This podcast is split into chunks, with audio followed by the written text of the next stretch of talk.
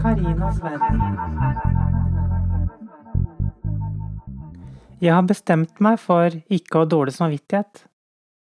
Ikke fordi jeg ikke tror at jeg har gjort ting som har såret andre, eller fordi jeg aldri har handlet i konflikt med tidligere forpliktelser eller forventninger, men fordi følelsen dårlig samvittighet ikke har noen positiv effekt.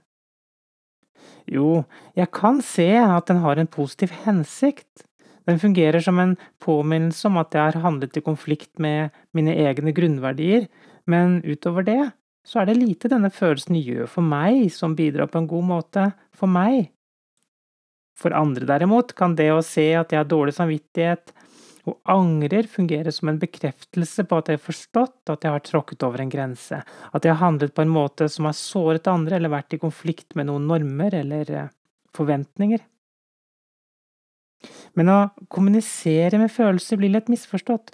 Noen vil kanskje mene at jeg ikke har dårlig samvittighet nok, eller at jeg ikke angrer nok, at jeg burde vise at jeg har det skikkelig vondt med meg selv, og gjerne lenge, før jeg nok en gang ber om tilgivelse.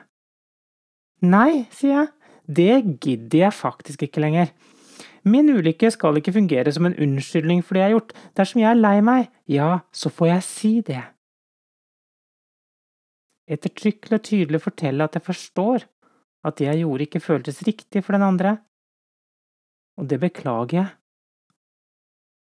Og vil jeg kanskje legge til at jeg har den beste hensikt. Det var ikke min intensjon at det ble akkurat slik. Jeg ønsker deg virkelig alt godt, og at du skal føle din egen lykke i alt du gjør. Ikke fordi jeg er et eh, spesielt godt menneske, nei, fordi du fortjener det. Vi alle fortjener det. Og da blir det så mye enklere når vi tar ansvaret for vår egen lykke og unnlater å bade i våre egne dårlige følelser. Når jeg har en dårlig følelse, så vet jeg at jeg har flere valg.